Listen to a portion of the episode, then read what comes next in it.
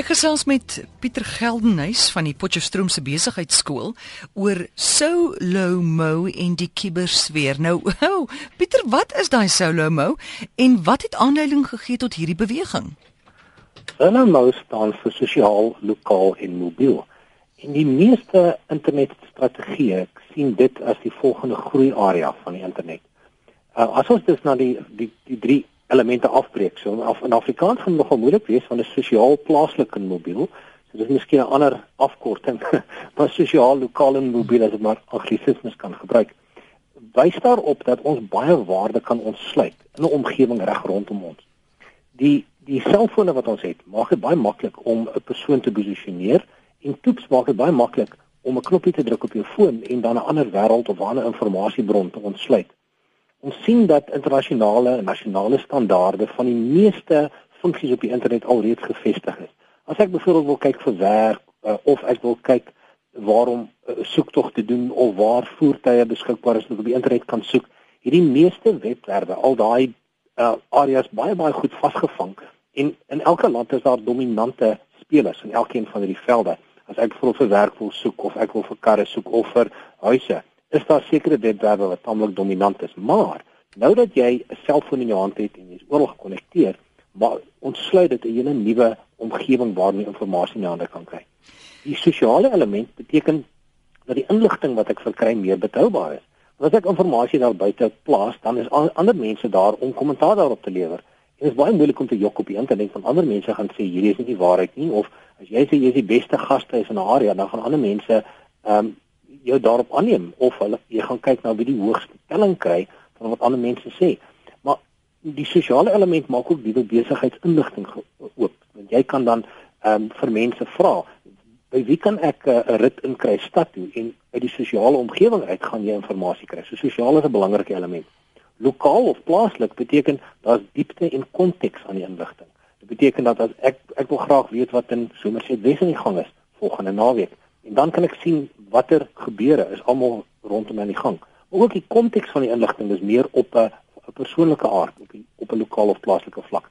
En natuurlik die mobiele element op 'n selfoon beteken is onmiddellik beskikbaar. En daai al daai elemente sou lokaal beteken dat die spoed en die gemak om inligting te kry al hoe makliker word. So jy beweer dat die fisiese ruimte en die kuberruimte een gaan word. Wat bedoel jy daarmee? As jy net nou twee wêrelde gaan kyk, die normale ruimte, kyk maar by jou venster uit en jy gaan eintlik baie sien, baie meer inligting kry as wat jou wie oor vir vertel nie. Ek kan op die internet ingaan en dan enige bron van inligting gaan kry. Maar ons gaan sien in die toekoms dat die interwewing van hierdie twee wêrelde baie belangrik gaan wees. Die Google Glass projek is juist dit. Ek sit uh, my brille op en onmiddellik om my sien ek ehm um, dis waar ek moet heen ry of waar ek 'n produk of 'n maatskappy in die hande kan kry. Ek kan byvoorbeeld 'n paar brille opsit en die Google Glass projek of ek kan my selfoon gebruik en sê ek is in die middel van Londen, wys vir my waar is die naaste metro ingang. En dan van jou foon vir jou sê binne 10 meter net om hierdie draai is daar 'n metro ingang. Uh, dit beteken dat die fisiese ruimte en die ehm um, internetruimte nuwe waarde skep. Uh, 'n eenvoudige voorbeeld daarvan is Tesco wat in Suid-Korea 'n baie interessante projek geloods het. Hulle het 'n paar prentjies van inkopies of of inkopiegoedere op die metro se mure geplak. So jy weet jy, jy gaan staan in die metro by 'n stasie en wag en op al die mure is daar produkte wat jy graag by die huis wil hê met streepies kode of hierdie keerkodes onder dit. Jy vat dan jou foon en skandeer dan hierdie streepies kode, jy druk 'n knoppie, jy betaal daarvoor en as jy by die huis kom, is jou inkopies afgelewer. En daar is nou 'n baie goeie voorbeeld van hoe realiteit en die internet een word. Want realiteit uh, is is 'n is 'n realiteit wat vir jou kan waarsku of eh, 'n uh, 'n leidraad vir jou kan gee dat deur hierdie te skandeer kan jy nuwe dinge oopmaak. En byvoorbeeld as jy jou kar wil vind binne in 'n lughawe of binne in 'n kopiesentrum, dan kan jy gaan jy binnekort 'n kode skandeer op een van die mure naby jou al is jy onder beton en dit kan jou lei om jou kar weer in die hande te kry. Heng. So jy kan voel streepies kode skandeer op die produkte in jou huis en daarmee kan jy 'n inkopieslysie saamstel. En die oomblik as jy dit binne in 'n 'n winkel kom, dan bewys dit vir jou waar hierdie produk binne in die winkel beskikbaar is met 'n kaartroete. Ehm um, so dit is die die ene element van die lokale sosiale en mobiele omgewing waarvan ons praat. Dis ongelooflik hierdie inligting nê. Pieter, watter voorbeelde is daar van solo mo toeps in die internasionale arena?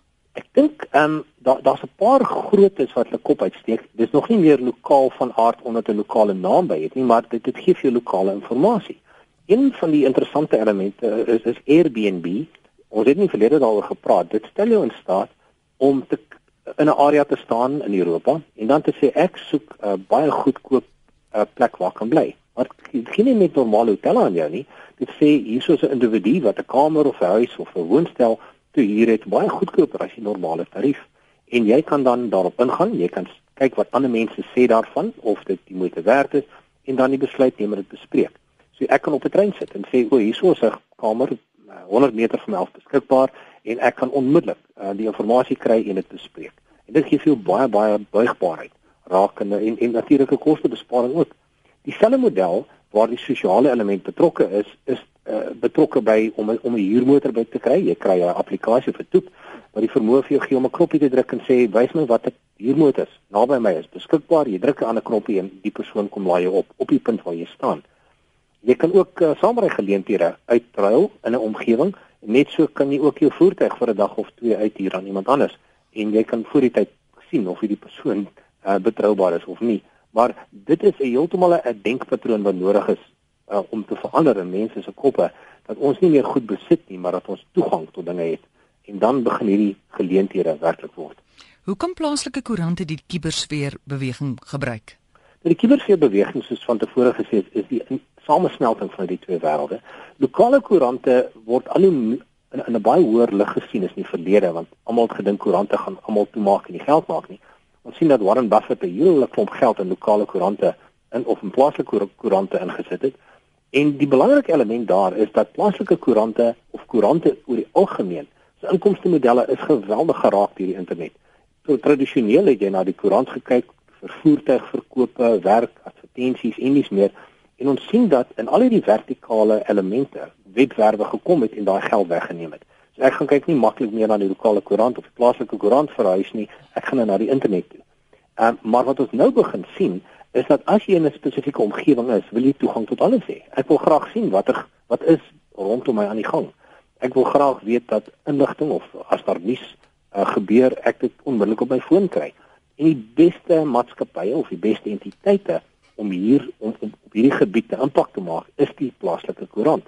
Die plaaslike koerant kan jou dryf om te sê skandeer hierdie foto en dan kan jy kupons kry by hierdie winkel of uh, skandeer hierdie QR-kode en jy gaan outomaties jy gaan intydse inligting kry na jou foon toe.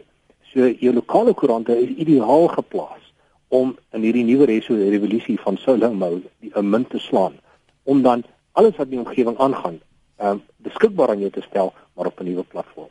En inkopiesentrums? Oh, as mens na inkopiesentrums kyk, is dit die ideale plek vir die loodsing van hierdie tipe idees, want daar is 'n geweldige klomp mense wat sien toe gaan, daar's 'n samevoeging van 'n klomp handelsmerke en winkels en jy kan dan met jou foon baie baie dinge ontsluit in inkopiesentrums. Kom ons kyk byvoorbeeld daarna. Ek het al reeds ge genoem dat jy jou voertuig kan vind. So oomblik as jy parkeer, dan skandeer jy 'n kode op die muur en dan uh, jy skryf sommer vir 'n kompetisie in in dieselfde asem en as jy dan wil terugkom na jou kar, jy druk jy knoppie op jou toep op jou foon en hy vat jou reguit terug na jou parkeerplek toe. Jy kan ook dan met jou uh, parkeerkaartjie net die kode op die parkeerkaartjie skandeer en dan met die druk van 'n knoppie daarvoor betaal uit 'n mobiele uh, beursie uit of ietsie meer innoverend.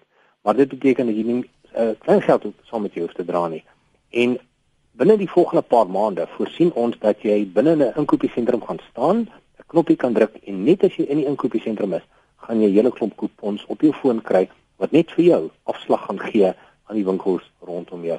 So ons sien hierdie um ontsluiting van nuwe realiteite um baie as 'n baie interessante area en um ek dink dat maatskappye geweldige waarde kan kry deur op hierdie solo mo omgewing te fokus.